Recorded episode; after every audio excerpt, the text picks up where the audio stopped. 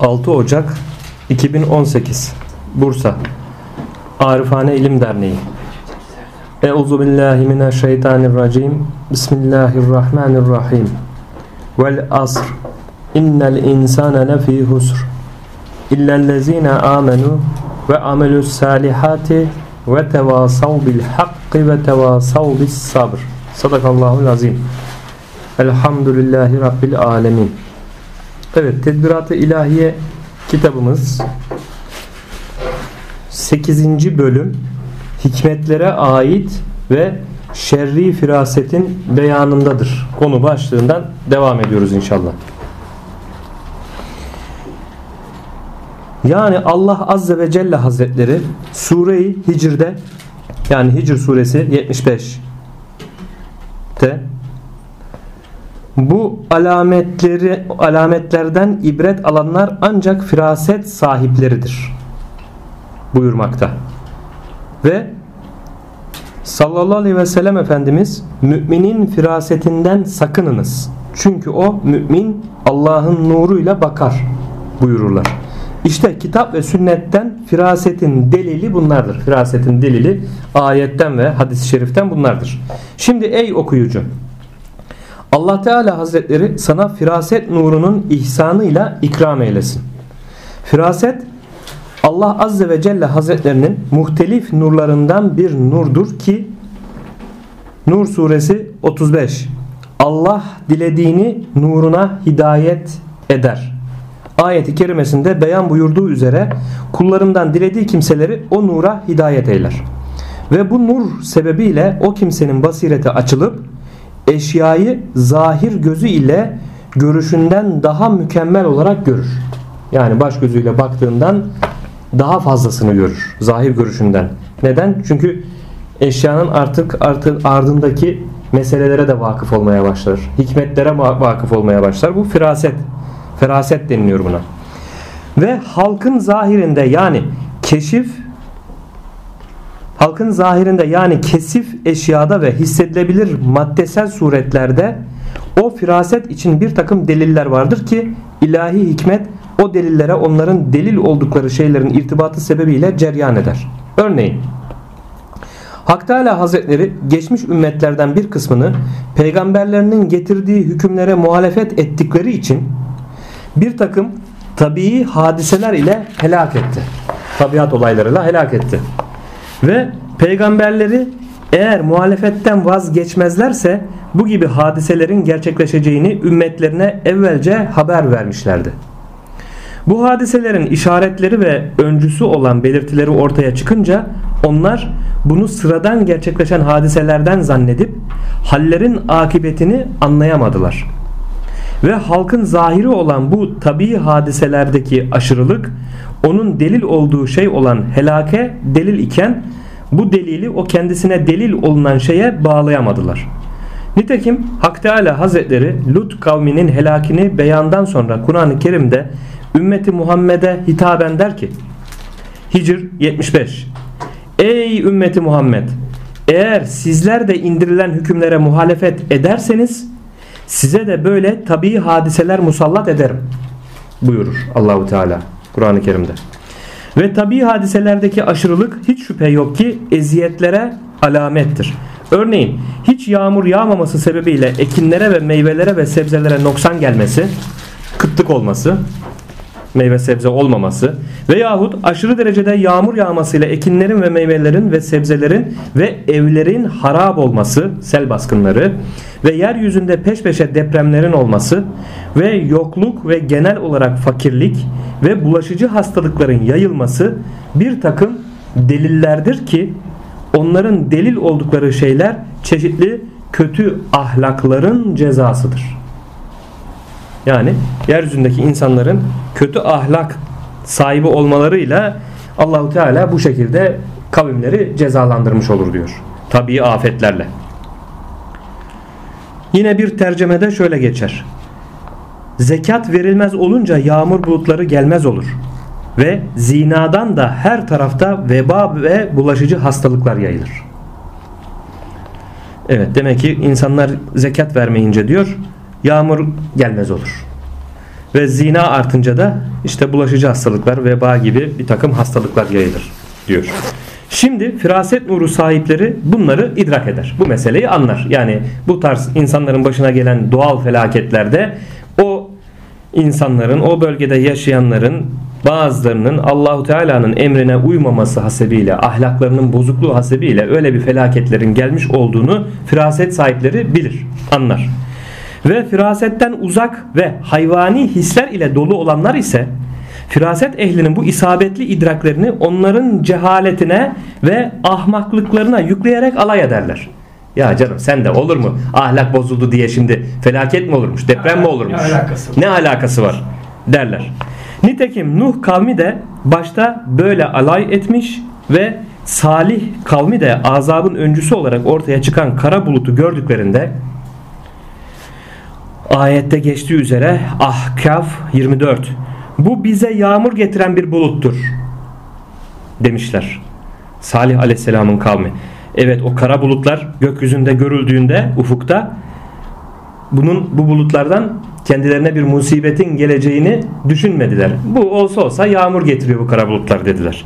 Diyerek daha önce kendilerine haber verilen azabı uzak bir ihtimal olarak görmüşler ve daha sonra hepsi helakı hak ederek serilmişlerdir. Bu anlattığımız genel bir beyandır. Firaset bütün özel işlerde ve muamelelerde de cereyan eder.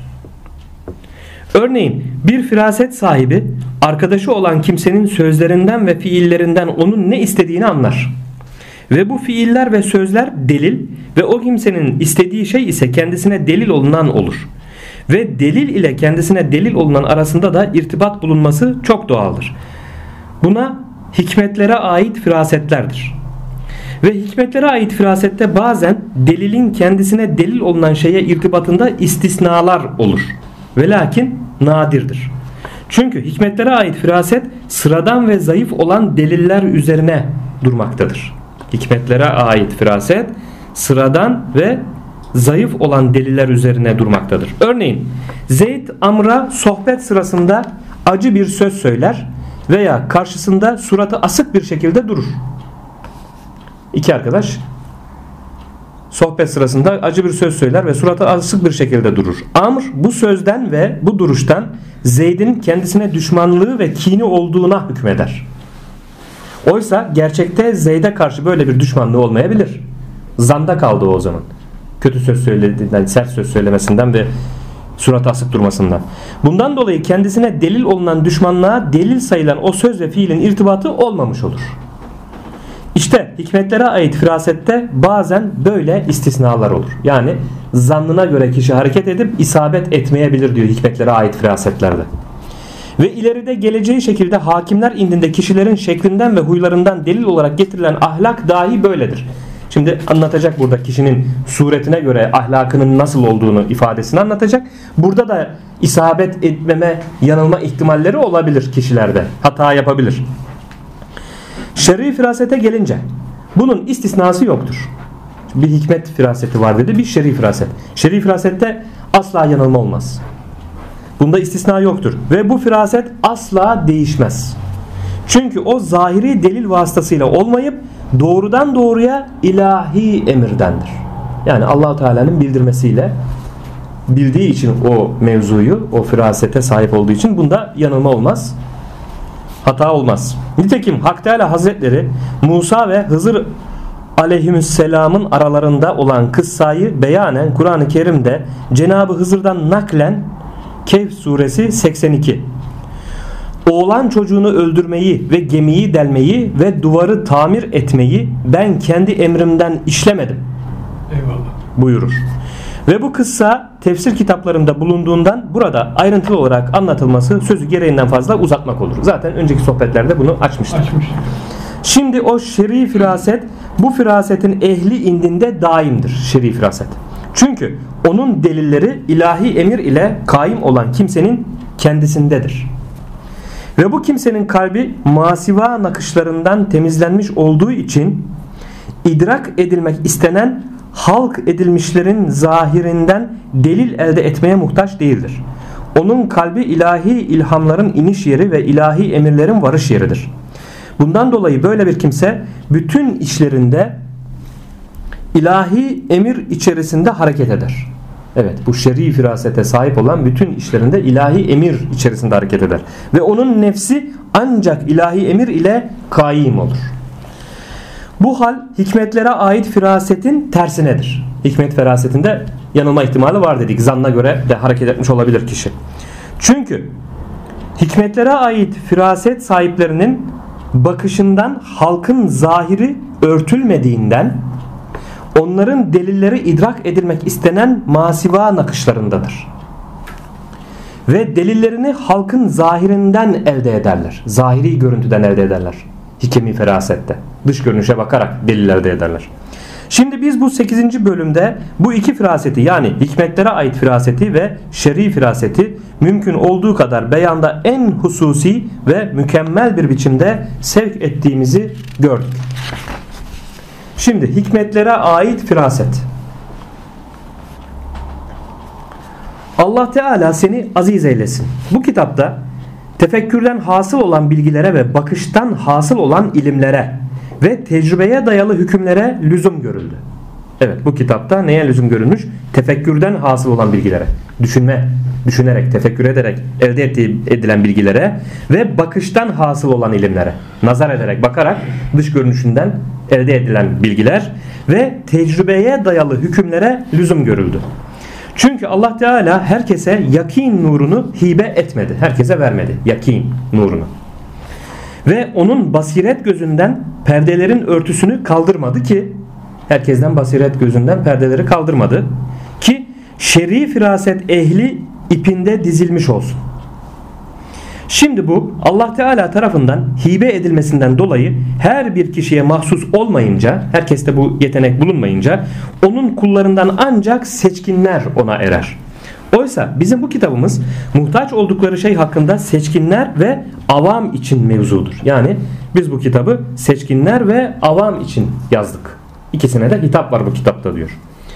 Ve bu bölüm kendisine ihtiyaç duyulan şeyleri içine almaktadır ve ona aittir. Çünkü insan diğer insanlarla beraber yaşamaya ve onların dostluğuna mecburdur. Ve her insan kendi sınıfında ve kendi alemindedir. Ne zaman ki bu mecburiyet mevcut oldu ve onun indinde şer'i firasetten çevresindekilerin arasını onunla ayırt edecek şey olmadı işte bundan dolayı biz insanın onun indinde vakıf olması ve mühimmatında tasarruf eylemesi ve taatın aksamı ile meşgul olması için hikmetlere ait firasetten yeteri kadar bir faslı sevk ettik. Yani bakışla, nazar ederek, görerek hikemi feraseti yeteri kadarını biz burada açıklıyoruz diyor. Belki Allah Teala ona kendi indinde yakin nuruna ve melekuti alanın tetkikine bir kapı açar. Şimdi ey birader bilesin ki Allah Teala bizi ve seni görünüş özelliklerinin en güzeline ve oluşumların en itidal üzere olanına muvaffak eylesin. Sana öyle bir kimseyi halil yani dost ve gecen için arkadaş ve mülkün için yardımcı edinmek yakışır ki o kimse uzun olmaya. Şimdi dost edineceğin kişiyi seçerken diyor dış görünüşüne göre diyor ölçüleri veriyor. itidali yani orta halin ölçülerini veriyor. O kimse uzun olmaya, çok uzun olmaz, olmaması, olmamasına dikkat et diyor. Bir, kısa da olmaya. Yani itidali anlatıyor. Çok kısa boylu da olmasın, uzun boylu da olmasın. Eti sertlik ve yumuşaklık arasında mülayim, ne sert ne yumuşak. Ve nazik ve masumane şefkatli ve solukluk ile beyaz meşrep ola. Ve saçının uzunluğu normal olup düz ve kısa kıvırcık olmayan. Şimdi bu itidali tarif ederken tamamen düz saç itidal dışı. Çok kıvırcık da itidal dışı. Orta. Ortası olacak. Hafif kıvrımlı. Saçında kızıllık olup bununla beraber siyahlık olmayan. Yani kumral olan. Ten renk olarak da itidali kumral olmasını söylüyor. Gözleri geniş ve göz bebeği büyük olup normal bir çukurluğa ve siyaha meyilli ola. Gözleri büyük, göz bebeği, çukuru itidal üzere ve siyaha meyilli ol, olmasını dikkat et diyor. Baş büyüyecek ola. Baş küçük olmayacak. Şimdi on bunları da açıklayacak. Küçük baş ne? Büyük baş ne? Hepsinin detayına girecek şimdi. Omuzları boynunda ne pek yüksek ve ne de düşük olan. Omuz çıkık. Yüksek de olmasın diyor. Düşük omuzlu da olmasın diyorlar. Diyor. Ve kaynakları yani sırt etlerinin but etlerine yapıştığı yer ve onların arası şişman olmaya. Yani kalçalarla birlikte del kısmı diyor yani sırtın kalçaya yapıştığı yer şişman olmaya. Alçak sesle konuşan ola. Parmaklarının uzunluğu, inceliği itidalde olmakla beraber kalınlık ve incelikten saf olup kalınlığı ve inceliği makbul olan türden olan. Eli dörtgen ve ortası biraz tümsek olan. Eli. Baktığın zaman şöyle avuç dörtgen şeklinde gözükmesini uygun olanını söylüyor. Konuşması ve gülmesi az olup ancak ihtiyaç kadar ola. Tabiatının meyli safraya ve sevdaya ola. Bakışında ferah ve sevinç ola. Mala hırsı az ola. Mal düşkünlüğü az ola diyor. Senin üzerine hükmetmeyi istemeye ve gösteriş yapar olmaya. Aceleci ve çok yavaş olmaya. Ne aceleci ise uzak dur, çok ağırsa yine uzak dur manasına. İşte hakimlerin hilkatin en dengelisi ve en sağlamı olarak dediği budur. Yani yaratılışta dış görünüş olarak en dengeli yaratılış üzerine yaratılmış özellik budur diyor. Açıkladığımız özelliktir. Ve Efendimiz Muhammed Resulullah sallallahu aleyhi ve sellem Efendimiz kendisinin zahiren ve batinen kemalinin sabit olması için bu hilkatte halk edildi. Evet. Bu özellikle yaratıldı. Resulullah Efendimizin aslında özelliğini verdi şimdi burada. Evet. Yani şimali özellikleri, dış görünüşü Resulullah Efendimizin saydığımızda en itidal üzere Resulullah Efendimiz'i görüyoruz. Saçından, renginden, boyundan, posundan hepsi itidal üzere yaratılma o. Muhittin İbn Arabi Hazretleri burada bir parantez açmak istiyorum.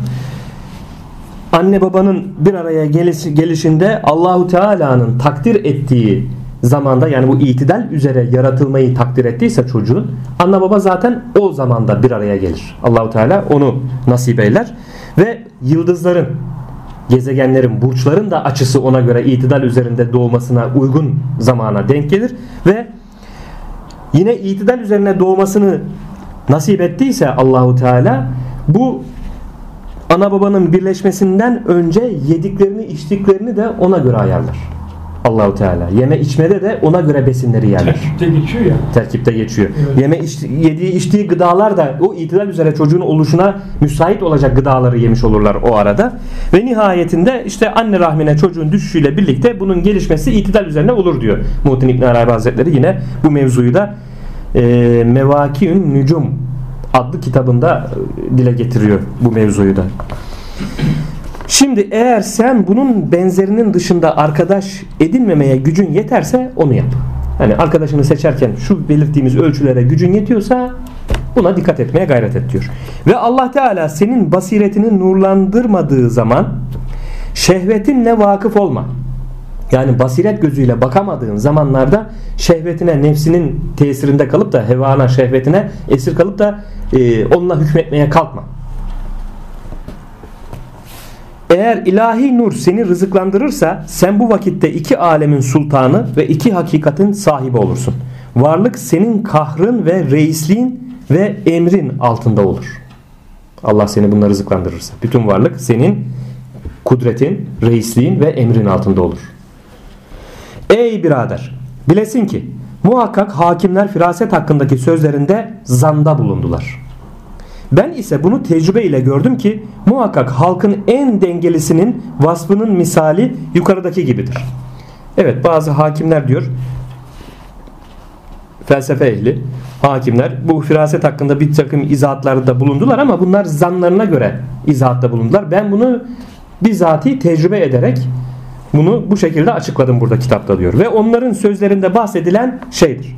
Muhakkak şimdi başlıyor. Göz, Muhakkak gözün pek mavi ve saçın kızıl ile siyah karışık renkte olması hileye ve hainliğe ve günah işlemeye ve aklın hafifliğine delildir.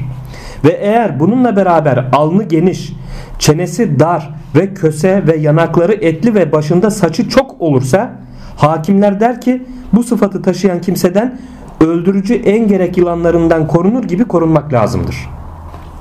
Kıl Bilesin ki hakimler derler ki sert saç cesurluğa ve beynin sıhhatine ve yumuşak saç korkaklığa ve beynin soğukluğuna ve kavrayışın azlığına işaret eder. Şimdi burada bir parantez açmak istiyorum. Burada tek tek uzuvları, özellikleri verecek. Ancak bunların cemini yani tamamını birlikte değerlendirmekte fayda var. Sadece adamın kılına bakarak ya da alnına bakarak ya da kulağına bakarak bunun ahlakı budur diye hüküm verilirse o yanlış olur. Olmaz. Tüm hepsini kapsamlı olarak düşünüp ona göre e, değerlendirmek gerekiyor. Orana göre değil. Tabi. Ve omuzların üzerinde ve boyunda çok kıl olması anlayış kıtlığına, omuzların üzerinde ve boyunda kıllı olması anlayış kıtlığına ve cürete delildir. Ve göğsünde ve karnında çok kıl olması tabiatının vahşi oluşuna ve anlayışın azlığına ve cefaya muhabbete delildir. Cefaya düşkünlüğe delildir. Ve kılların siyah ve kızıl renkte karışık olması anlayış kıtlığına, gazabın çokluğuna ve süratine ve sataşmaya delildir. Alın. Hakimler derler ki kendisinde buruşukluk olmayan açık alın husumete. Alında hiçbir kırışıklık yoksa dümdüz.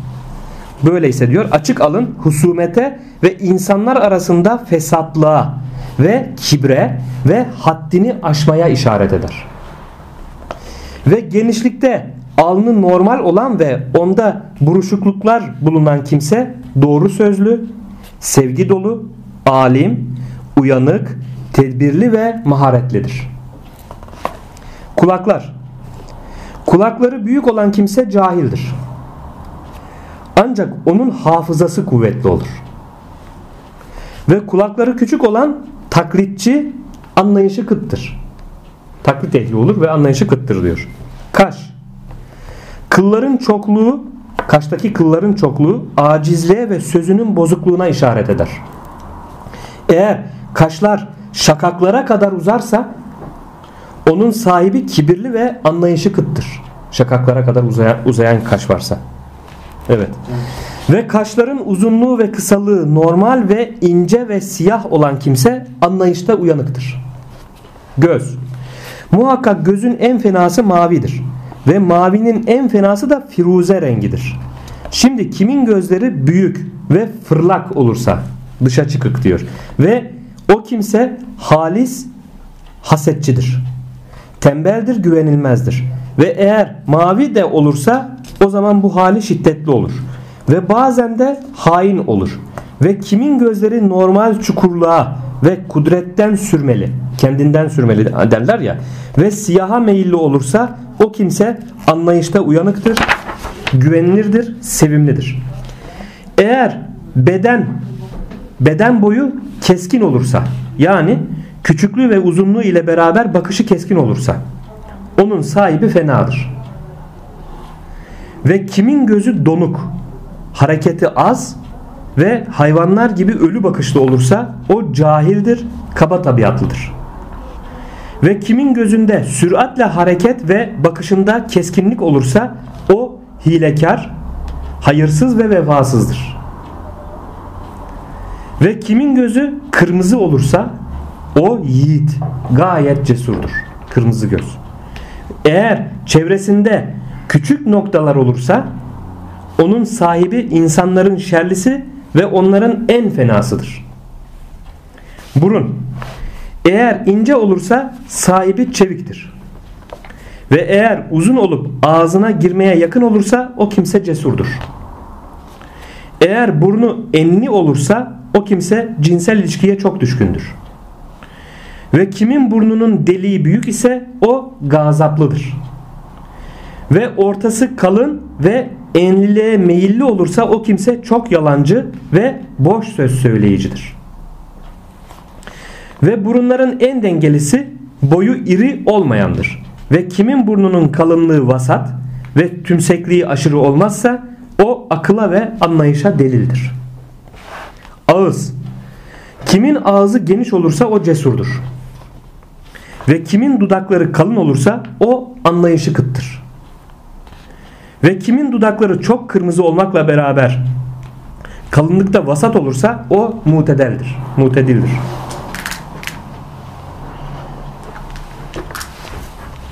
Diş.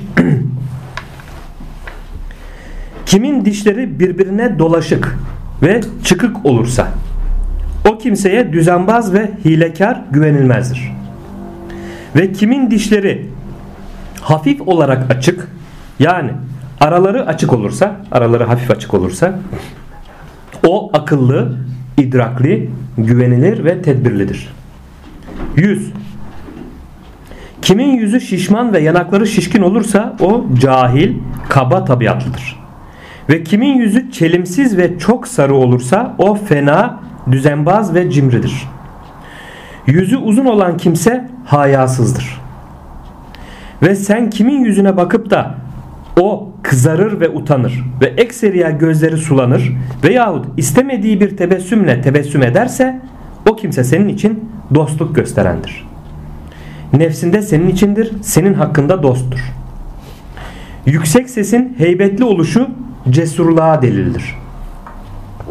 Aciz acz ile teenni ve kalınlık ile incelik arası akla ve tedbire ve doğruluğa delildir. Kalınlıkla incelik arası akla, tedbire ve doğruluğa delildir. İnce ses ile hızlı konuşma hileye ve yalan söylemeye ve cehalete delildir. Sesin kalınlığı gazaba ve kötü huya delildir.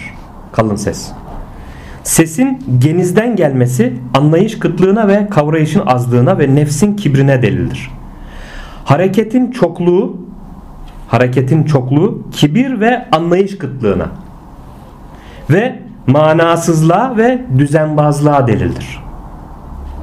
Toplantılarda ağır başlılık ve söz ve konuşma tedariki sırasında elini hareket ettirmesi aklın tamam oluşuna ve tedbire ve sözünde durmaya delildir.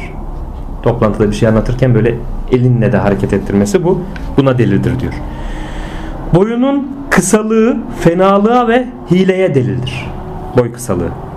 Ve boynun uzunluğu ve inceliği anlayışının zayıflığına ve ürkekliğe delildir.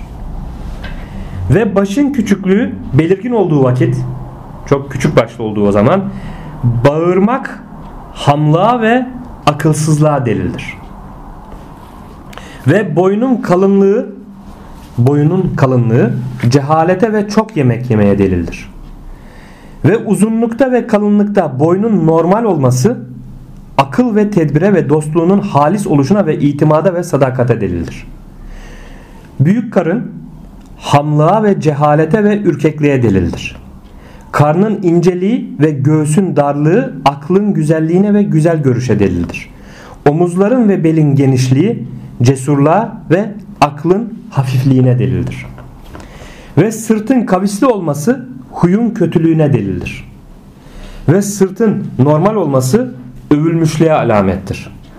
Ve omuzların kalkık olması niyetin kötülüğüne ve mezhep ve meşrebinin mefluciyetine yani felçli olmasına, kıpırdayamamasına, hareketsizliğine delalet eder. Kollar avucunun içi dizlere değecek kadar uzun olursa kollar avuç dizlere değecek kadar uzun olursa cesurluğa ve kereme ve nefsin izzetine işaret eder. Ve eğer kısa olursa onun sahibi korkaktır ve şerri sever. Parmakların uzunluğu ile beraber avucun uzun olması sanatta etkili olmaya, sanatkar olmaya ve amellerde sağlamlığa ve reislikte idareciliğe delildir. Ayaktaki etin kaba olması cehalete ve fenalığa muhabbete delildir. Zayıf ve küçük olan ayak günaha işaret eder. Ökçenin inceliği ürkekliğe delildir. Ve kalınlığı cesurluğa delildir. Baldırlar ile beraber bacakların kalınlığı düşüncesizliğe ve hileye delildir. Ve bu adımları geniş ve ağır olan kimse bütün işlerinde ve amellerinde muradına muvaffıktır ve işlerin sonunu düşünendir. Ve zıttı olan ise zıttı için sabittir. Şimdi Allah Teala seni muvaffak eylesin. İşte hakimlerin koydukları şey üzere firasetin kısacası budur. Bundan dolayı onu incele ki insanlar hakkında bilgi sahibi olmakta inşallahu Teala rüşt sahibi olasın. Ve biz bu fasılda bu bölümün başlarında hakimlerin bahsettiği itidal üzere olan oluşumu kasteder ve elbette onun üzerine yürürüz. Yani ruhani oluşumu da harfi harfine onun üzerine sevk ederiz. Hazreti Şeyh Ekber hikmetlere ait firasetlere dair olan bu fasılda buyurdular ki bu Tedbirat-ı İlahiye kitabında tefekkürden hasıl olan bilgileri ve akıl gözünün bakışından hasıl olan bir takım ilimleri ve eşyanın dış görünüşündeki tecrübelere göre hasıl olan hükümleri beyana lüzum gördü. Çünkü Allah Teala Hazretleri kabiliyetlerinin olmaması dolayısıyla herkese yakin nurunu hibe ve ihsan etmedi. Ve onların basiret gözlerinden ruyun örtüsünü kaldırmadı ki onlar şerri firaset ehli ipinde dizilsinler ve onların zümresine dahil olsunlar. Ruyun Ra harfinin üstünle okuyuşun, okuyuluşuyla reyn kelimesinin çoğuludur. Ve reyn günahların işlenmesi sebebiyle kalbi kaplayan perdeye derler. Nitekim Hak Teala Mutaffifin 14 Hayır bilakis kalplerinin üzerini örttü buyurur.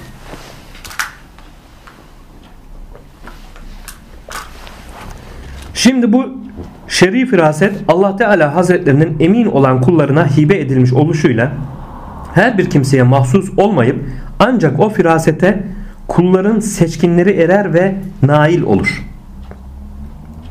Burada bir parantez açmak istiyorum. Firaset bazıları da şöyle değerlendirmiş. Yani firaset at bakışı at görüşü anlamlarına da geliyor firaset. Atı biliyorsunuz atlar 360 derece görürler. Yani firaset bu, bu anlamada çıkıyor. Yani at bakışı gibi. Nasıl ki at her tarafı görür. İşte firasetle gören, firasetle bakandan kasıt o şeyin ardındaki hakikati de görür anlamına da çıkıyor bu kelime yani firaset. Bu da aklımıza gelmişken belirtelim. At bakışı, at görüşü anlamlarına da gelmiş oluyor. Bu sebebe binaen bu bölüm beyanına lüzum görülen şeyleri içine almaktadır ve onlara aittir. Çünkü insan diğer insanlar ile beraber yaşamaya ve onlar ile dostluk içerisinde yaşamaya mecburdur.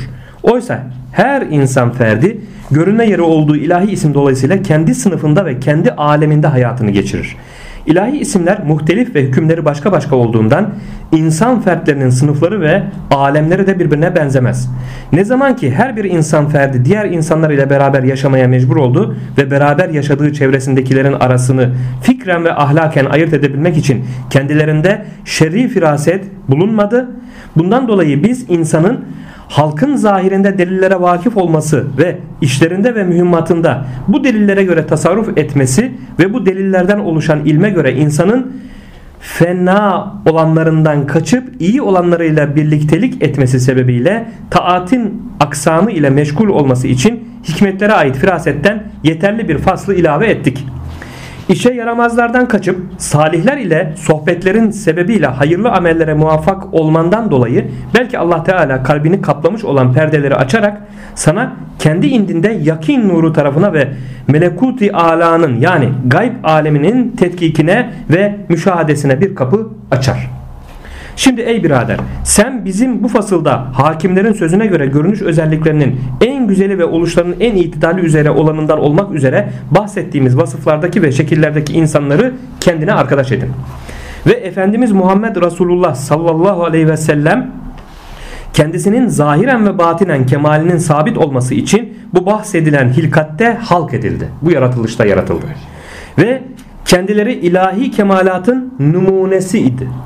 Şimdi bu kemalatın numunesine benzer olan kimseden başkasını arkadaş edinmemeye gücün yeterse hiç durma öyle yap. Ve Allah Teala senin basiret gözünü yakin nuru ile nurlandırmadığı, nurlandırmadığı ve sende şerif firaset mevcut olmadığı zaman sakın şehvetinle yani nefsinin idaresi ve hükmü ile insanlardan her önünden geleni ve nefsinin isteğine uygun olanı kendine arkadaş ve dost edinme. Böyle bir durumda bu bahsettiğimiz hizmetlere ait firasetle amel et. Eğer bu amelin sebebiyle ilahi nur seni rızıklandırırsa sen bu nura nail olduğun zaman iki alemin yani şehadet alemi ile gayb aleminin sultanı ve bu iki aleme mahsus olan hakikatin sahibi olursun. Ve her iki alemin mevcutları senin kahrın ve reisliğin ve emrin altında olur. Her iki alem. Çünkü sen bu hal içinde senliğin ile olmayıp hak ile baki bulunursun. Senin kahrın hakkın kahrı ve senin reisliğin hakkın reisliği ve senin emrin hakkın emri olur. Buna dikkat edersen. Ey birader bunu dahi bilesin ki hakimler hikmetlere ait firaset hakkındaki sözlerinde kendilerine galip olan zan üzerine bina ettiler. Ben ise onların bu söyleyip yazdıklarını tecrübe ölçeğine koymadan kabul etmedim. Ve bu tecrübem sonucunda gördüm ki muhakkak halkın en dengelisinin vasfı evvelce bahsettiğimiz şey gibidir. Ve hakimlerin anlattıkları hikmetlere ait firaset tecrübe ile sabit ve tahakkuk etmiştir. Bundan dolayı insan azalarından her birinin muhtelif şekillerindeki deliller birer birer sayıldı. İşte hakimlerin belirlediği üzere hikmetlere ait firasetin kısaca beyanı bunlardır. Sen insanlar arasında yaşarken bunları tatbik et ve incele ki bu deliller sayesinde insanların hallerine bilgi oluşturabilesin. Ve tatbikatın neticesinde de inşallahu teala rüşt sahibi olasın. Ve biz bu fasılda ileride bu bölümün başında hakimlerin bahsettiği itidal üzere olan oluşumu kasteder ve ona yönelir ve elbette bu maksat üzerinde yürürüz. Yani zahiri ve nefsani oluşuma karşılık olarak kelime kelime batıni ve ruhani oluşumu da bu firaset üzerine sevk ederiz. Hz. Şeyh Ekber nefis ile ruhun huylarını karşılaştırma ve mukayese için buyurdular ki muhakkak insan ruhun bir yüzü salt nura ve bir yüzü de tabiattan ibaret olan salt karanlığa olduğundan bir tarafı karanlığa bakıyor bir tarafı nura bakıyor. O ruhun zatı nur ile karanlık arasında ortadadır. Ve onun ortada oluşunun sebebi şudur ki o insani ruh madde bedensel tabi oluşumu idare etmek üzere halk edildi. Onun durumu heba ile akıl arasında olan külli nefsin durumuna benzer. Heba ile akıl arasındaki külli nefse benzer. Heba maddesel zerre parçalarından ibaret olup salt karanlıktır. Ve bu maddi zerreleri muhtelif şekillerin oluşumu için idare eden aklı kül, salt nurdur. Çünkü nur kendi zahir olan ve eşyayı zahire çıkaran şeye derler. Ve aklı kül ise muhtelif idareleriyle eşyada zahir ve maddi zerre parçalarını terkip etmek suretiyle eşyayı zahire çıkarıcıdır. Ve bütün eşya suretlerini yüklenmiş olan nefsi kül onların ikisinin arasında olup nur ile karanlık karışık olan bir şeydir. Şimdi her ne zaman insani latifliğin yani insani ruhun üzerine nur ve karanlıktan ibaret olan iki vasıftan biri galip olmazsa o insani ruh itidalde olur. Yani ne nur ne karanlık galip olmazsa itidal üzere olur. Her bir hak sahibinin hakkını verir. Yani icabında gerek karanlıksal olan kesif suretin ve gerek nurani olan aklın hükümlerini itidalli bir şekilde yerine getirir. Bizden istenen de bu zaten itidal. Vasat ümmet. İtidal üzere olan ümmetiz biz. tarafı da Tabi madde ve manayı dengede tutmamız lazım. Ve her ne zaman o ruh üzerine salt nur ve salt karanlıktan ibaret olan bir vasıf galip olursa o ruh kendisine galip olan vasıf ile vasıflanır. Yani insan fertlerinden her bir ferde bakılır. Eğer bütün fiilleri ve hareketleri nefsani ve hayvani gereklere tabi olarak cereyan etmekte ise ona zulmani yani karanlıksal denir. Nefsine uygun bir yaşantı içerisindeyse. Manadan hiçbir haberi yoksa o zaman o karanlıkta zulmani. Ve eğer nefsani gereklerden uzak ve zahiri hükümlerden sakınan ve bilakis melekut alemine yönelmiş ise ona da nurani denilir. Bu da tamamen manaya yönelmiş kişi. Bu alemde bunların ikisi de itidal değildir. Nefsine yönelen de itidalde değil, tamamen manaya yönelen nurani olan da itidal üzere değil.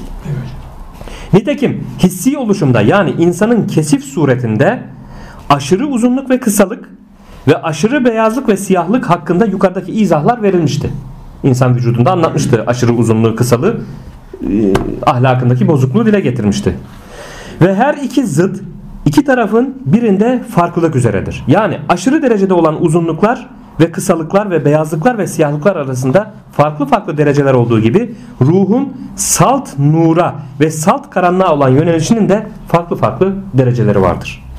Ben ruhun aşırı derecede beyaz olmasının manası hakkında derim ki evet nasıl ki beden aşırı beyaz olmasını uygun görmedi itidal değil dedi ahlakını açıklarken İbn Arabi ruhun da işte aşırı beyaz olmasında derim ki ruh kendi tabiat alemini yani bağlandığı kesif sureti idare ettiği şey kendisinde geriye bir şey kalmayacak şekilde bakışını tamamen nur alemine sarf etmesidir.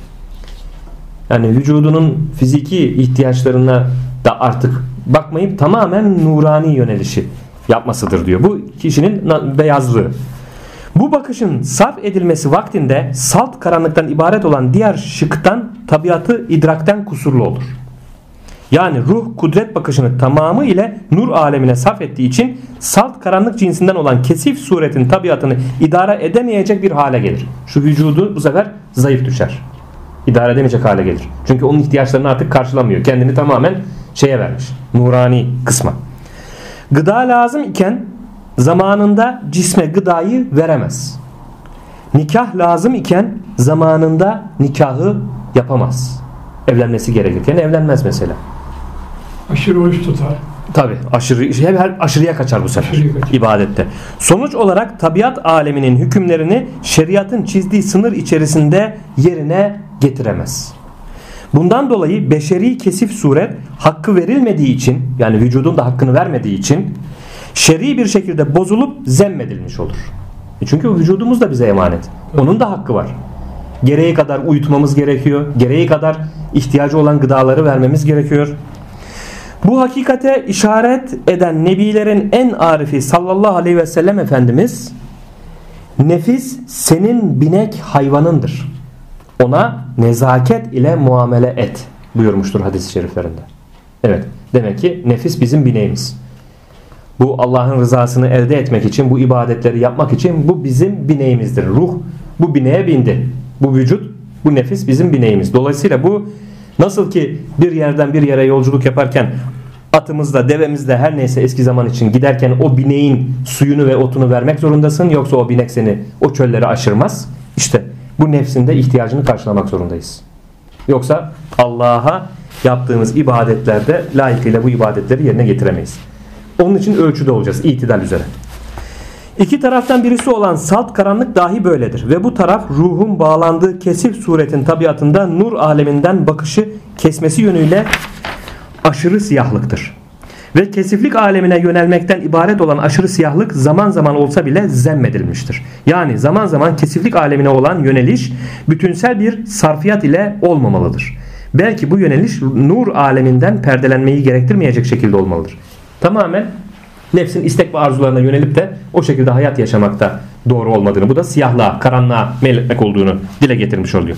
Nitekim bu hale işaretten Hak Teala Hazretleri Kur'an-ı Kerim'de Nur 37 Erler vardır ki onları ticaret ve alışveriş Allah'ın zikrinden meşgul etmez buyurur. Ve nitekim sallallahu aleyhi ve sellem Efendimiz şöyle buyurur. Benim bir vaktim vardır ki ona Rabbimin gayrı sığmaz buyurmaktadır. Bu da nur alemine yönelişe işarettir. Oysa nebilerin en arifi Efendimiz sallallahu aleyhi ve sellemin ashabı kiramıyla sohbet buyurdukları bir vakti ve ehli ve ailesiyle bulundukları bir vakti var idi. Bunlar da karanlık alemine yöneliştir. İşte bunlar da karanlık alemine yöneliş olmuş oluyor. Ve ruhun iki taraftan birine yani aşırı beyazlık olan nur alemine ve aşırı siyahlık olan karanlık aleme olan bakışında bu taraflarda ikamet süresinin uzunluğu ve kısalığı da bahsedilen hükümlere tabidir.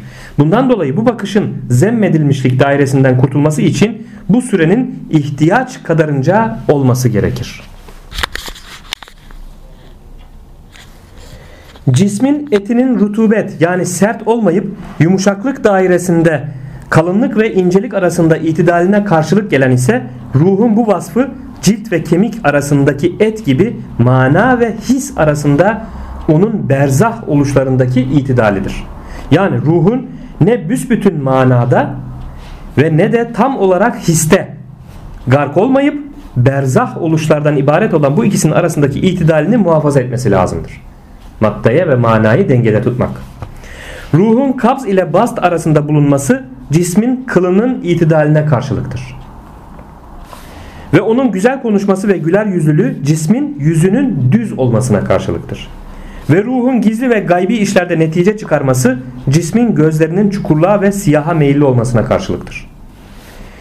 Ve işlerde bakışın sıhhati cisim gözünün geniş ve göz bebeğinin büyük olmasına karşılık gelir. Ve ruhun akıl çokluğu cismin başının büyüklüğüne karşılıktır.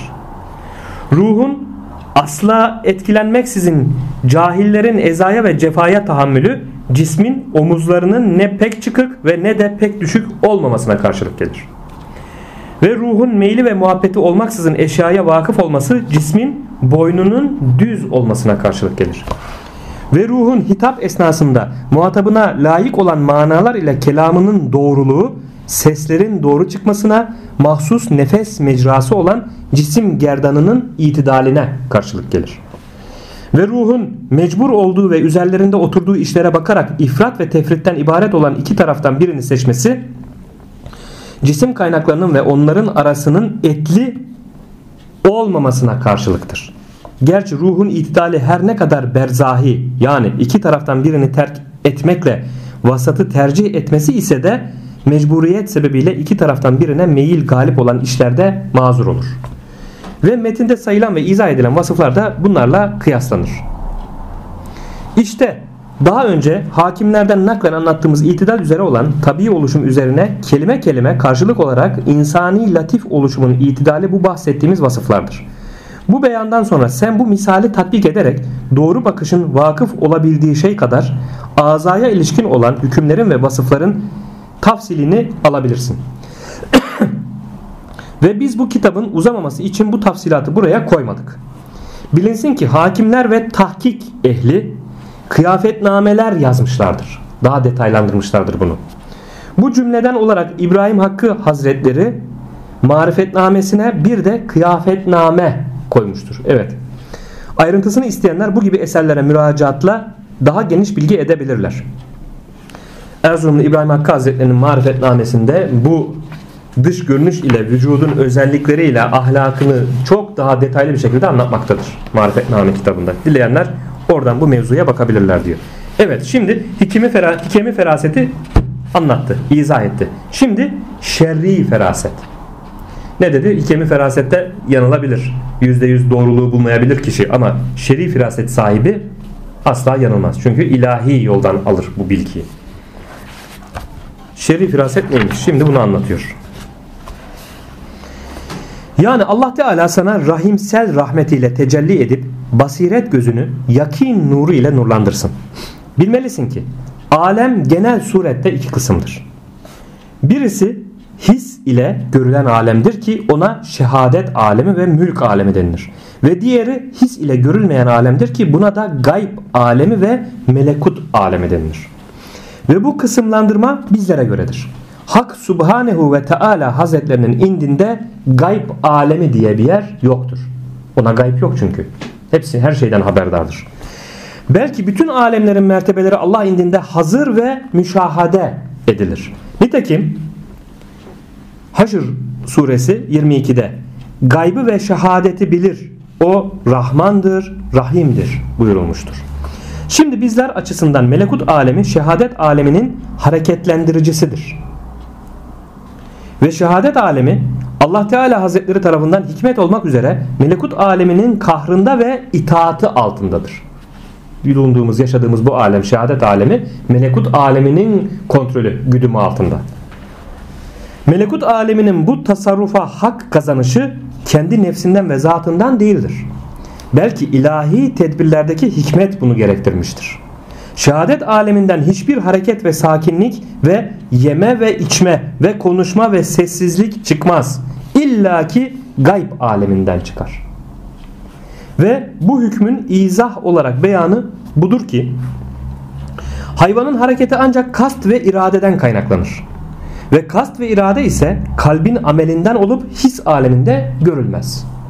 Bundan dolayı bu kalp ameli gayb alemi cinsindendir gözükmediği için. Ve hisle müşahede edilen hareket ve onun benzerleri şehadet alemi cinsindendir. Ve bizim indimizde şehadet alemi alışılmış olarak his ile o şehadet aleminin cinsinden her bir idrak ettiğimiz şeydir.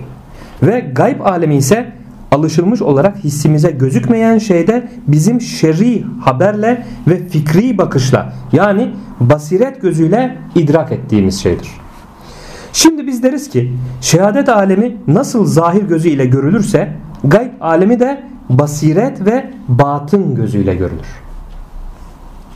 Ve zahir gözü karanlık olduğu ve önüne kesif cisimler mani olduğu zaman göremez. Bir engel çıktığı zaman duvarın arkasını göremiyoruz mesela.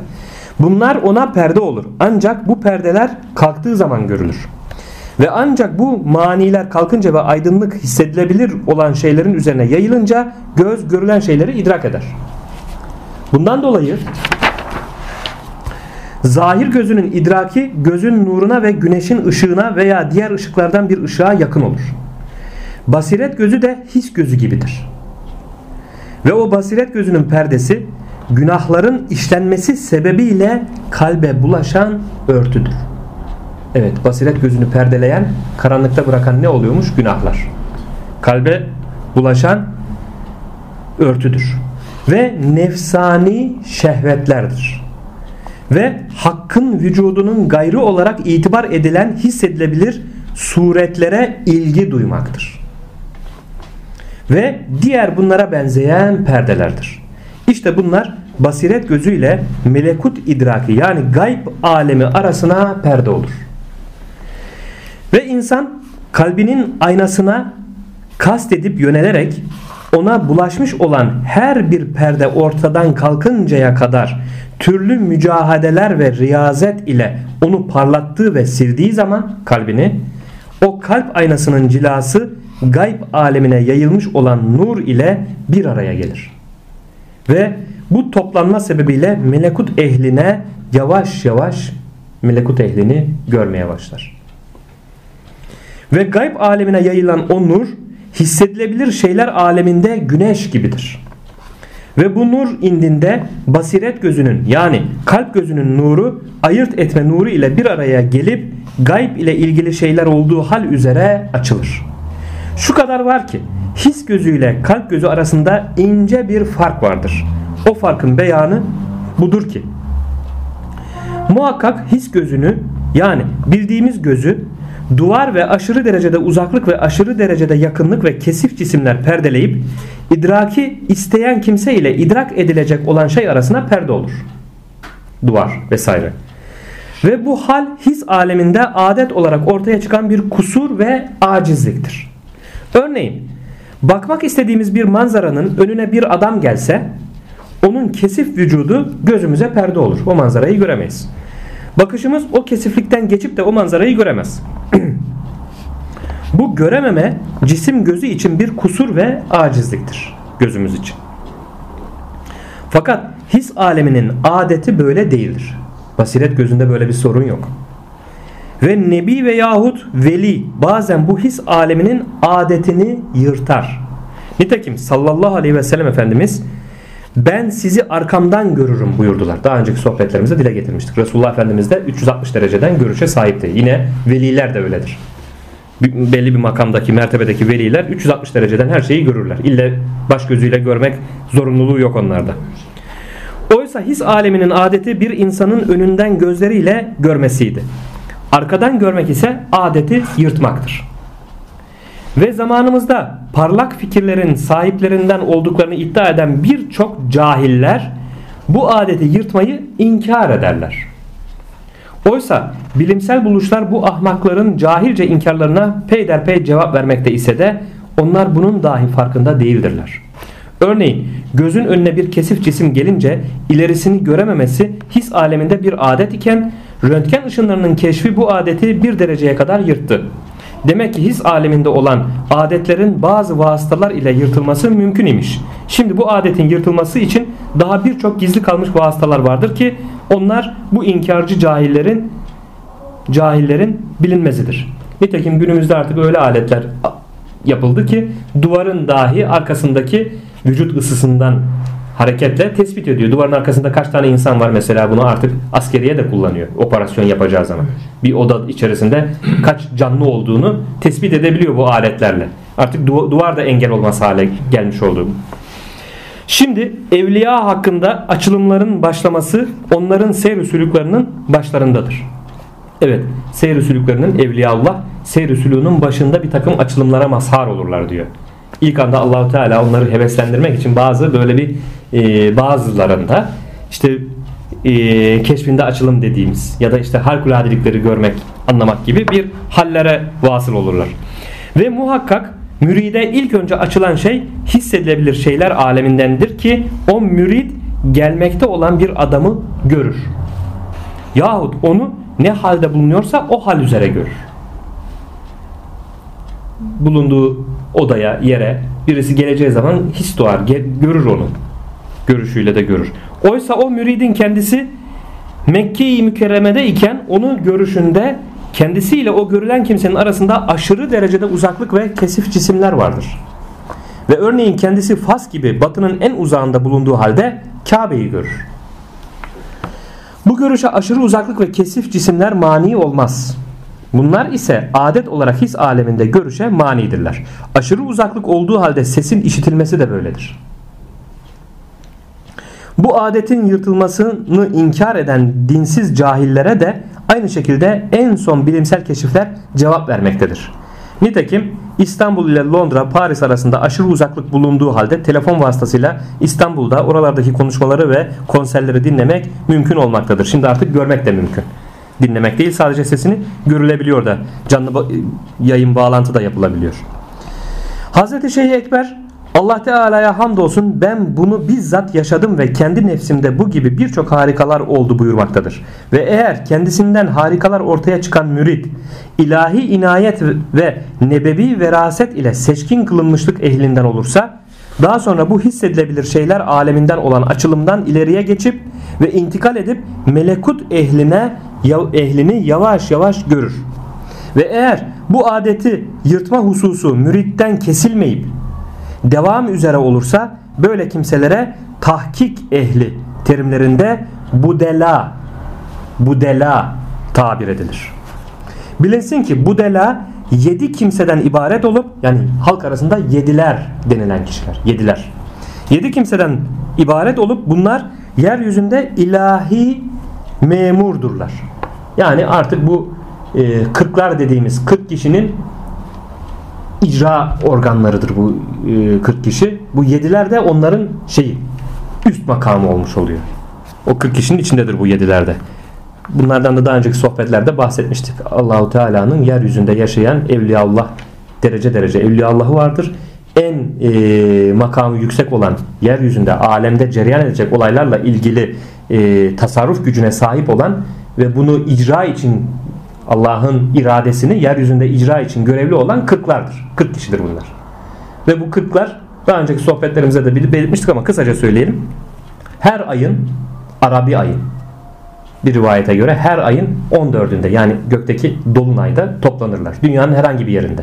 Onlar için e, zaman mekan hicri meselesi yok. Tabi hicri ayın 14'ünde yani dolunayın olduğu gece toplanırlar. Çoğunlukla Resulullah Efendimizin başkanlığında toplanırlar. Bazen Resulullah Efendimiz başkanlık yapmazsa yapmadığı durumlarda da işte bu yedilerin içerisinde de en e, makamı yüksek olan üçler vardır. Geçen haftaki sohbetimizde bahsettiğimiz üçler yani kutup kutup dediğimiz kişi ve kutbun yardımcısı iki kişi dedik ya sağında ve solunda bulunanlar. İşte bunlar da üçlerdir. İşte o kutup dediğimiz kişi başkanlık yapar o zaman bu kırklara. Ve yeryüzünde dünya üzerinde olacak olan olayların cereyan edecek olan olayların kararı alınır. Allah'ın bu husustaki muradı, iradesi neyse Allahu Teala bunlara bildirir. O kararlar alındıktan sonra bu kırkları bu kutup görevlendirir. Yeryüzünde bu kırklar gerek insanlara e, bu olacak olan olaylara eliyle dahil olur, müdahale eder. Gerekse olaylara girmesini Allah'ın murad ettiği kişilerin kalbine o düşünceyi, beynine ilka ederek onları harekete geçirir. Ve yeryüzünde olan, cereyan eden bütün olaylar bu şekilde onların Her tasar- ayrı bir yerde değil mi? tasarrufundadır. Efendim? Her ay ayrı bir yerde. Tabi her ay ayrı bir yerde toplanırlar bunlar. Nerede toplanmak murad ederlerse. Kırklar. Bunu da böylece belirtmiş olduk. Şimdi devam ediyoruz. Budela yedi kimseden ibaret olup bunlar yeryüzünde ilahi memurdurlar. Cenab-ı Şeyh Ekber Fütuhat-ı Mekkiyesi'nin 198. bölümünün 36. faslında bunlara abdal diye de isim vererek buyurmuşlardır ki bu mesele 1. cilt ve 2. ciltte geçiyor zaten Fütuhat'ta. Hak Sübhanehu ve Teala yeryüzünü yedi iklim yapmıştır. Ve has kullarından yedi kimseyi seçmiştir. Ve onların adına abdal koymuştur. İşte bu yedilere abdal denilir. Ve her iklimin vücudunu o yedi kimseden biriyle muhafaza eder. Ben Mekke-i Mükerreme hareminde onlar ile bir araya geldim buyuruyor Muhittin İbn Arabi Hazretleri. Ve onlara selam verdim ve onlar bana selam verdiler. Ve onlar ile konuştum. Yaşayanlardan tabii. Tabii ki. Bunlar yaşayanlar orada e, görevle o e, toplantıya ehlullahın çok üst düzeyinde olup da zamanında kutupluk makamında bulunmuş olan fakat e, ölmüş olmuş, vefat etmiş olanları da ruhaniyetleri itibariyle Evet, katılırlar. Evet. Ve eğer bu adeti yırtma müride zaman zaman aralık ve fasıla verirse böyle olan kimse ya varis veya feraset yani fasılalar sahibi olan abittir. Ha bu kırklar şey bu yediler sürekli görür dedi bunu. Fasılalı olursa bu adeti yırtma onlara da abitler denilir diyor. Varisten kasıt huy olarak ve irfan yönünden Muhammedi kemalata nail olan kimsedir. Ve bu saadet sofrası zatlar genellikle Allah'ın kullarını irşat etmeye memur olduğundan Bunlar yani abidler diye tabir edilen kısım ise Allah'ın kullarını irşat etmeye memur olduğundan vazifesi dolayısıyla kendisine harikaların devamı lazım değildir. Yani sürekli harikaların devamı lazım değil. Keramet göstermeleri gerekmez. Çünkü bunların görevi irşat. Bazı kulları yetiştirmek. İrşat edilmeye istidatlı olan zayıf kalpleri terbiye etmek ve tatmin için ara sıra kendisinden adetin yırtılması da görülür. Ve feterat sahibi olan abitten kasıt da henüz nurani perdelerden kurtulamamış abid olan saliktir ki onda adet yırtmaktan lezzet duyma vardır. Bu lezzet duymaya olan meyli dolayısıyla adeti yırtma kesildikten sonra yenisini gözleyerek çalışmasını ve ibadetlerini arttırır. Allah'ın böyle kulları da var yani adet yırtmak üzerinden zuhur etmesinden lezzet duyuyor. Yani keramet tarzı olaylar. Bundan dolayı bu adeti Yırtma Allah tarafından kendisine bir şevk vasıtası olur. Bu bahsedilen adeti yırtma hissedilebilir şeyler alemine ait olan kısımdır. Basiret alemine gelince ona perde yoktur. Çünkü gayb alemi ile basiret gözü arasında mesafe ve aşırı uzaklık ve aşırı yakınlık yoktur. Ve basiret gözünün perdesi ancak kalbi istila eden örtü ve gaflet ve kibirdir. Evet basiret kalp gözünün görmesini engelleyen ne, nedir diyor? Kalbi istila eden örtü işte günahlar, kirler, kötü düşünceler, gaflet ve kibirdir. Ve bu perdeler mücahede ile kalktığı ve kalp aynası silinerek parladığı ve pastan temizlenip kendisine karşılık duran şeyin yansımasına istidatlı bulunduğu zaman gayb aleminin süratleri aşikar ve zahir olur. Lakin bahsettiğimiz gibi her ne kadar basiret gözü her bir şeye nüfuz eder ve ona her şey açılır ve basiret alemi için perde olmaz ve basiret gözü gayb ile ilgili şeyleri müşahadeden kesilmez ise de burada başka bir ilahi perde olur. Bu perde de nurani bir perdedir. Yani bu perde vücut hazretlerinde yani mutlak vücudun mertebelerinde var olan gayb ile ilgili şeylerin üzerine cevat, cömert ismi hazretinden yayılan fakat bu gayb ile ilgili şeylerin hepsine umumi olmayan bir nurdur. Yani basiret gözü nurlanan bir kimse gayb alemine baktığı zaman gayb ile ilgili şeylerin hepsini birden müşahede edemez. Bütün gaybi göremez yani. Ancak senin kalp aynan son derece saf ve parlak olmakla beraber Allah Teala sana gayb ile ilgili şeylerden ne kadarını göstermeyi dilemiş ise onlardan sana o kadarı açılır. İşte bu hal gayb alemini müşahededen basiret gözünün kesilmemesiyle beraber o basiret gözüne hak tarafından çekilmiş olan diğer bir perdedir. Bu da nur perdesi. Ve bu hal vahiy makamıdır. Ve bu hale delilimiz kendimiz için bizim onu bizzat yaşamamızdır. Yani bu halin bizim nefsimizde oluşu ve bu hali bizim bizzat yaşayarak bilişimiz yönüyle böyle hükmettik. Bu hal ancak bizim kendimize delil olur. Başkalarına delil olmaz. Çünkü ancak ben yaşadım diyor. Bana delildir. Bunu size tarif edemem ki. Sana ispatlamam için senin de bunu yaşaman lazım ki bunun ispatı delil ortaya çıksın.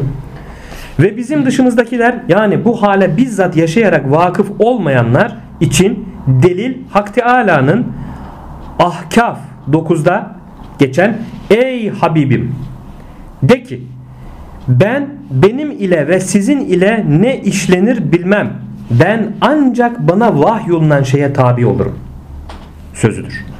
Şimdi nebevi saflık son derecede olmakla beraber işlerin gayb ile ilgili hususları Hak Teala'nın kendisine bildirdiği ve açtığı kadar olursa kendisine iğne ucu kadar yol açılmamış olan bir velinin hali nasıl olur? Var kıyas et. Ve işte bu ancak ilahi perdedir.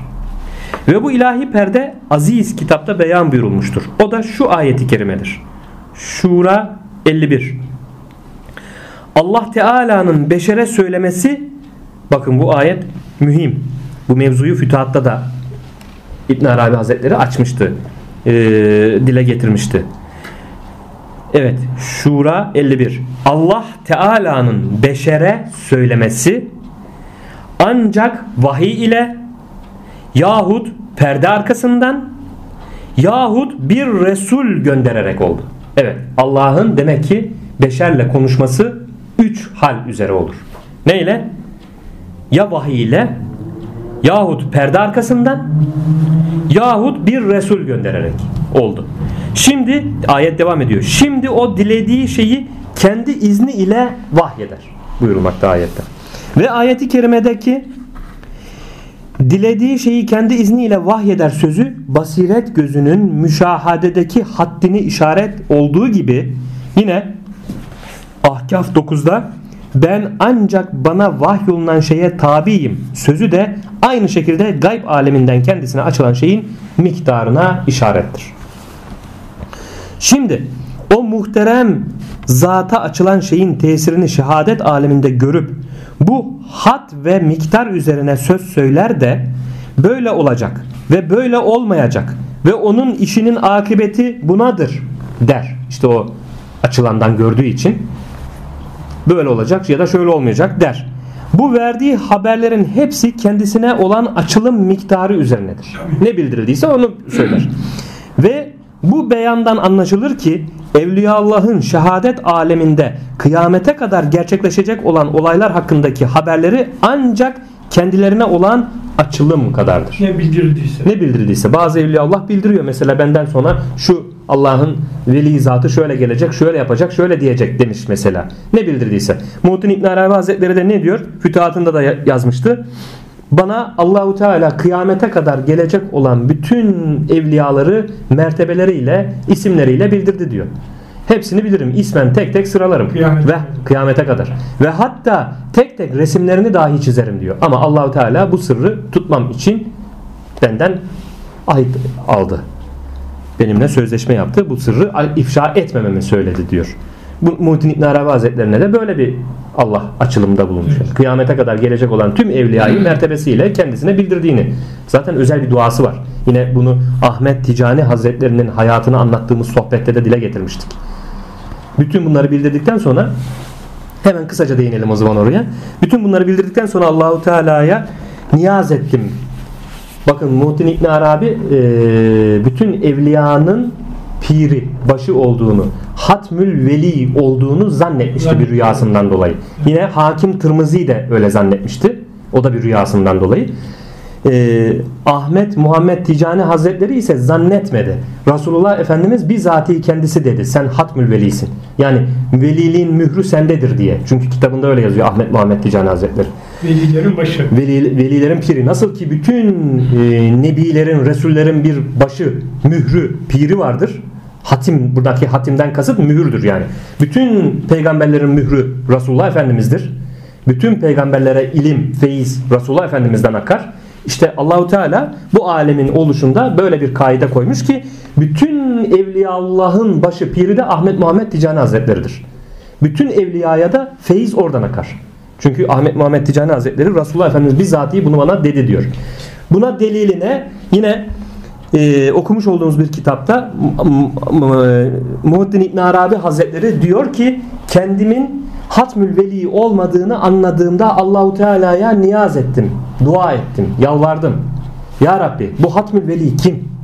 Yani bu mühür kimde? 9 ay 25 gün diyor. 9 ay 25 gün boyunca Allah'a bıkmadan, usanmadan ısrar ile dua etmiş. Bu Hatmül Veli'yi bana bildir. İsmini bildir ya Rabbi. Kim bu? Ve en sonunda 9 ay 25 gün sonra Allahu Teala kendisine bildiriyor Muhittin İbn Arabi Hazretlerine. İşte ne, şuradan e, çıkacak, şuradan doğacak diye e, doğduğu yer, yaşadığı yer burası olacak diye Ahmet Muhammed Ticani Hazretlerinin işaret ettiğini beyan etmek. Sonraki dönemlerde. Tabii ki sonradan. Bunu da e, Tirmizi neye istinaden o öyle bir kanıya o da gördüğü rüya üzerine. rüya üzerine. Rüyayı öyle yorumladı. Yine Muhittin İbn Arabi Hazretleri de gördüğü rüya üzerine. Kabe'yi altın ve gümüşten yapılmış tuğlalardan görmüştü. Bir altından tuğla eksik, bir tane de gümüşten tuğla eksikti Kabe'de. Dedi ki altından eksik olan tuğla Resulullah Efendimiz yani peygamberleri temsil ediyor altın. Gümüş de evliyaları temsil ediyor. Gümüşten eksik olan tuğla da benim demek ki bu rüyayı ben gördüğüme göre diyerek Muhittin İbn Arabi Hazretleri böyle bir e, tevilde, yorumda bulunmuş. Orada da çok hoş bir hikmet var değil mi? Tabii ki orada da bir hikmet var muhakkak. Bunu da işte Muhittin İbn Arabi Hazretlerinin e, Tirmizi de herhalde ona benzeyen bir rüya. o da öyle bir rüya görmüş. O rüyadan işaretle böyle bir yorumda bulunmuş. Hatmül Veli olduğuna dair. Bunu da böyle parantez açıp söylemiş olduk, belirtmiş olduk. Ahmet Muhammed Ticani Hazretlerinin hayatı ve bu meseleleri detaylıca anlattığımız tasavvuf sohbetleri 17 miydi? 17. bölümdeydi galiba. Ya 16 ya 17. bölümde bu mevzuyu detaylı anlatmıştık. Devam ediyoruz. Ve işte bu basiret gözü açık olan muhterem zatlara karşı bir ilahi perdedir ki kişi kalp aynasını parlatmada son derece mükemmel olsa bile bu perdenin kaldırılması delil ile aklen olunamaz. Yani böyle bir kimse aklen ne kadar düşünürse düşünsün bu perdenin kaldırılmasını makul görebilecek bir delil bulamaz. Buna imkan olmamasının sebebi şudur ki bu perde ancak sonu olmayan bilginlere bağlı olan ezeli ilimdir. Yani ilahi isimler ve sıfatlar sonsuzdur. Ve ilahi ezeli ilimde sabit olan bu isimlerin ve sıfatların ilmi suretleri ve tabii ki sonsuzdur. Oysa itibari gayrılık ile açığa çıkan kayıtlı vücutta sınırlı bulunan her bir şey son mudur? Çünkü o vücut bir sınır ve bir kayıt sahibidir. Bundan dolayı o kayıtlı vücudun basiret gözü mutlak vücudun mertebelerinin veçihlerinden herhangi bir veçhi ile o vücutta dahil olan şeyi keşfedebilir.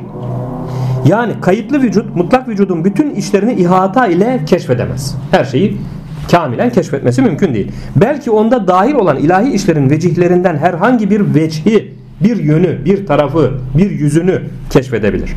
Külli yani bütünsel bir ihata ancak bu işlerin sahibi olan Allah Zülcelal Hazretlerine mahsustur. Ve sonradan olma olan kulun ilmi kadimin ilmini asla ihata edemez.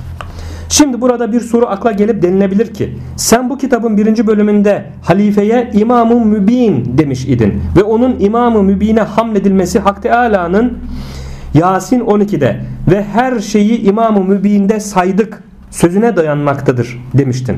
Şimdi bu delile göre Hak Teala'nın halife olan insanı kamilde her bir şeyi saymış olması ve ondan hiçbir şeyi örtmemiş olması gerekmez mi? diye bir soru sorabilirsin. Cenab-ı Şeyh bu akla gelebilecek soruya cevaben buyurdular ki bu ayeti kerime bahsettiğimiz ilahi perdenin olmayışına karşı bir delil olamaz. Çünkü külle şeyinden kasıt insanı kamilin kendi zatına ait toplayıcılığa mazhar olma sahibi olduğuna işarettir. Yoksa ezelden ebede açığa çıkmış ve çıkacak olan ilahi işlere vakıf olacağına işaret değildir. İnsan kamil olsa bile. Olsa bile tabi. Cenab-ı Şeyh Ekber radıyallahu anh Füsusül Hikem'de Üzeyir fasında buyururlar ki ayınları Allah Teala'dan başka bir kimsenin bilmesi muhaldir. Çünkü ayınlar gaybın anahtarlarıdır ki onları Allah Teala'dan başka kimse bilmez. Ve bazen Allah Teala bundan bazı işlere kullarından dilediği kimseleri vakıf kılar. İnsanı kamil olsa bile dedin ya İlmi amca. İşte Muhittin İbn Arabi Hazretleri yine fütuhatında der ki insanı kamil, zamanın kutbu olan kişi Üç yeryüzünde bir tane var ya bir kişi o üçlerin e, reisi olan bir kişi var ya. O dahi hatadan ari değildir. Hata asla ve kat'a hata yapmaz denilemez. Tek tip kesilene kadar değil mi? Bak o dahi hatadan ari değildir. Di- Diyor ki o işte şey bile zamanın kutbu dahi hata yapabilir. Yapabilir. Allah takdir ettiyse yapabilir. Hatadan ari değil çünkü. Onu da böylece belirtelim. Şimdi Hak Teala'nın ezelen ve ebeden tecelli edici oluşu ve insanı kamilin ise öncelik ve sonralık ile kayıtlı oluşu yönüyle sınırlının sınırsızı ihatası mümkün değildir. Hak Teala o insanı kamile sabit aynlarından ancak dilediği şeyleri açar. Ve Allah Teala ilahi tecellilerinin sonlu olmadığını Lokman 27 Allah'ın kelimeleri tükenmez ve Kehf 109 Rabbimin kelimeleri tükenmezden evvel elbette deniz tükenir. Ayeti kerimelerinde beyan buyurmuştur. Ne zaman ki bu son bulmanın olmayışı karar kıldı ve bizim için gayb aleminde keşfedilen şeyin sınırlı oluşu sabit oldu. Şimdi bu keşif makamında olan kimseden herhangi bir şahıs hakkında onun zahiri üzerinde bundan yani onun sabit aynına bağlı olan gayb aleminden bir şey zuhur etse buna şerri firaset denir. İşte Allah oradan bir şey gösterirse o gaybten buna şerri firaset denir. Ve o keşfetme derecelerinin alasıdır. Yücesidir. Tabii sabit ayınları görüyor. Sabit ayından gösteriyor çünkü. Çünkü keşfetmenin dereceleri vardır. Bazıları misal aleminden olur. Bakın bir de keşif misal aleminden de keşif vardır. Ve bu alemden olan keşif muhakkak ve sabit olmaz. İşte bakın çok güzel bir noktayı şimdi izah ediyor. Çok güzel gerçek. Yani ehlullahın bazı keşiflerinde bu böyle olacak şu zamanda deyip de öyle bir şey olmadığı zaman nereden bunun keşfi? Misal Demek ki misal aleminden. Misal alemi. Çünkü misal alemi değişir. Evet. Neden?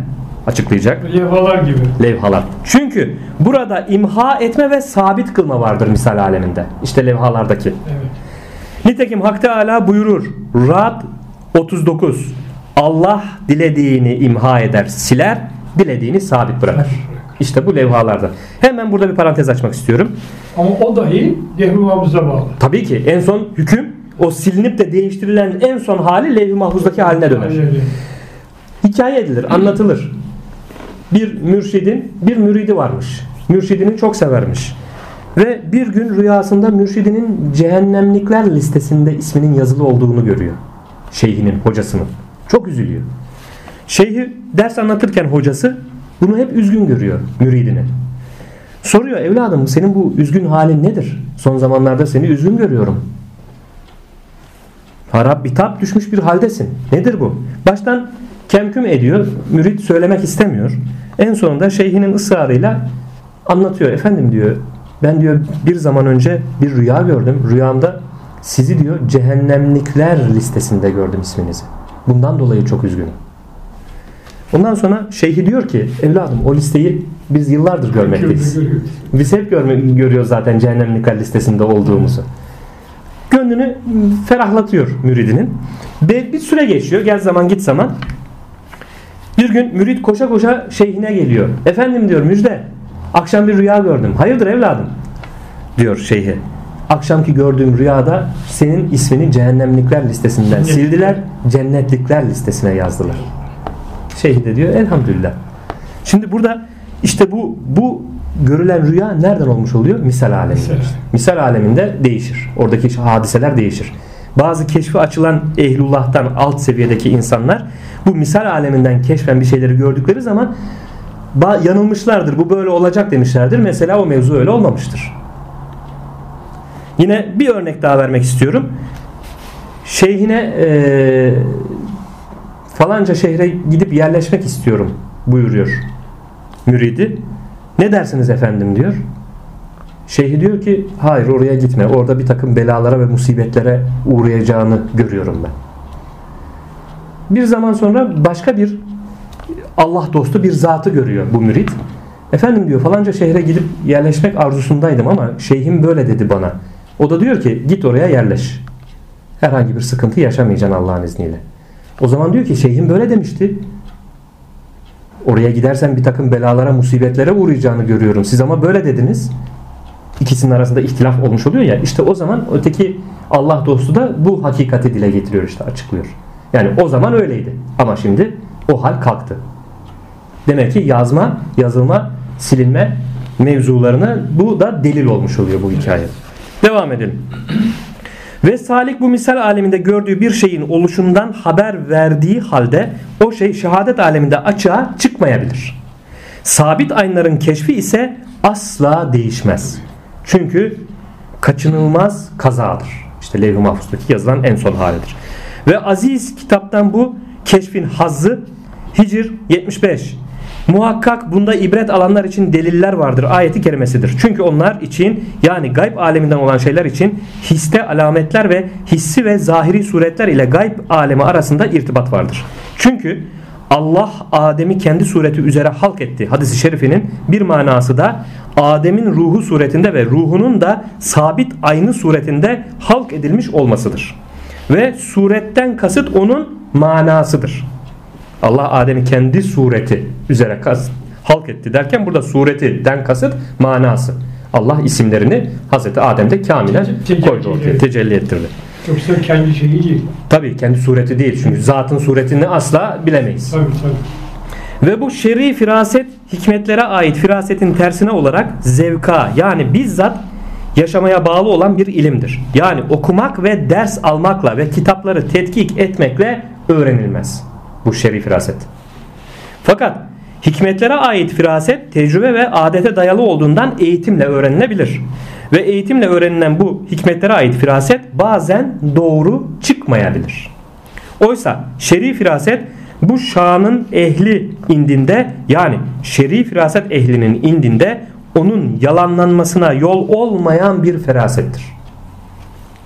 Çünkü Allah Teala'nın nurudur ve ancak eşyanın hakikatlerine vakıf olmayı verir. İşte şer'i firaset böyle olur ve onun hasıl olma sebebi bizim yukarıda anlattığımız gibi kalp aynasını cila vermektir. Şimdi şer'i firaset basiret gözünde perde olmaması sebebiyle gayb alemini müşahededen ibaret ise de Allah Teala Hazretleri bazen bu şer'i firaseti bildirdiği bir alime mevcutların batınını gösterdiği gibi o mevcutların zahirinde de alametler kılar. Nitekim harama bakmış olan bir kimseyi Hazreti Osman radıyallahu anh Efendimizin azarladığı haberi bize ulaştı.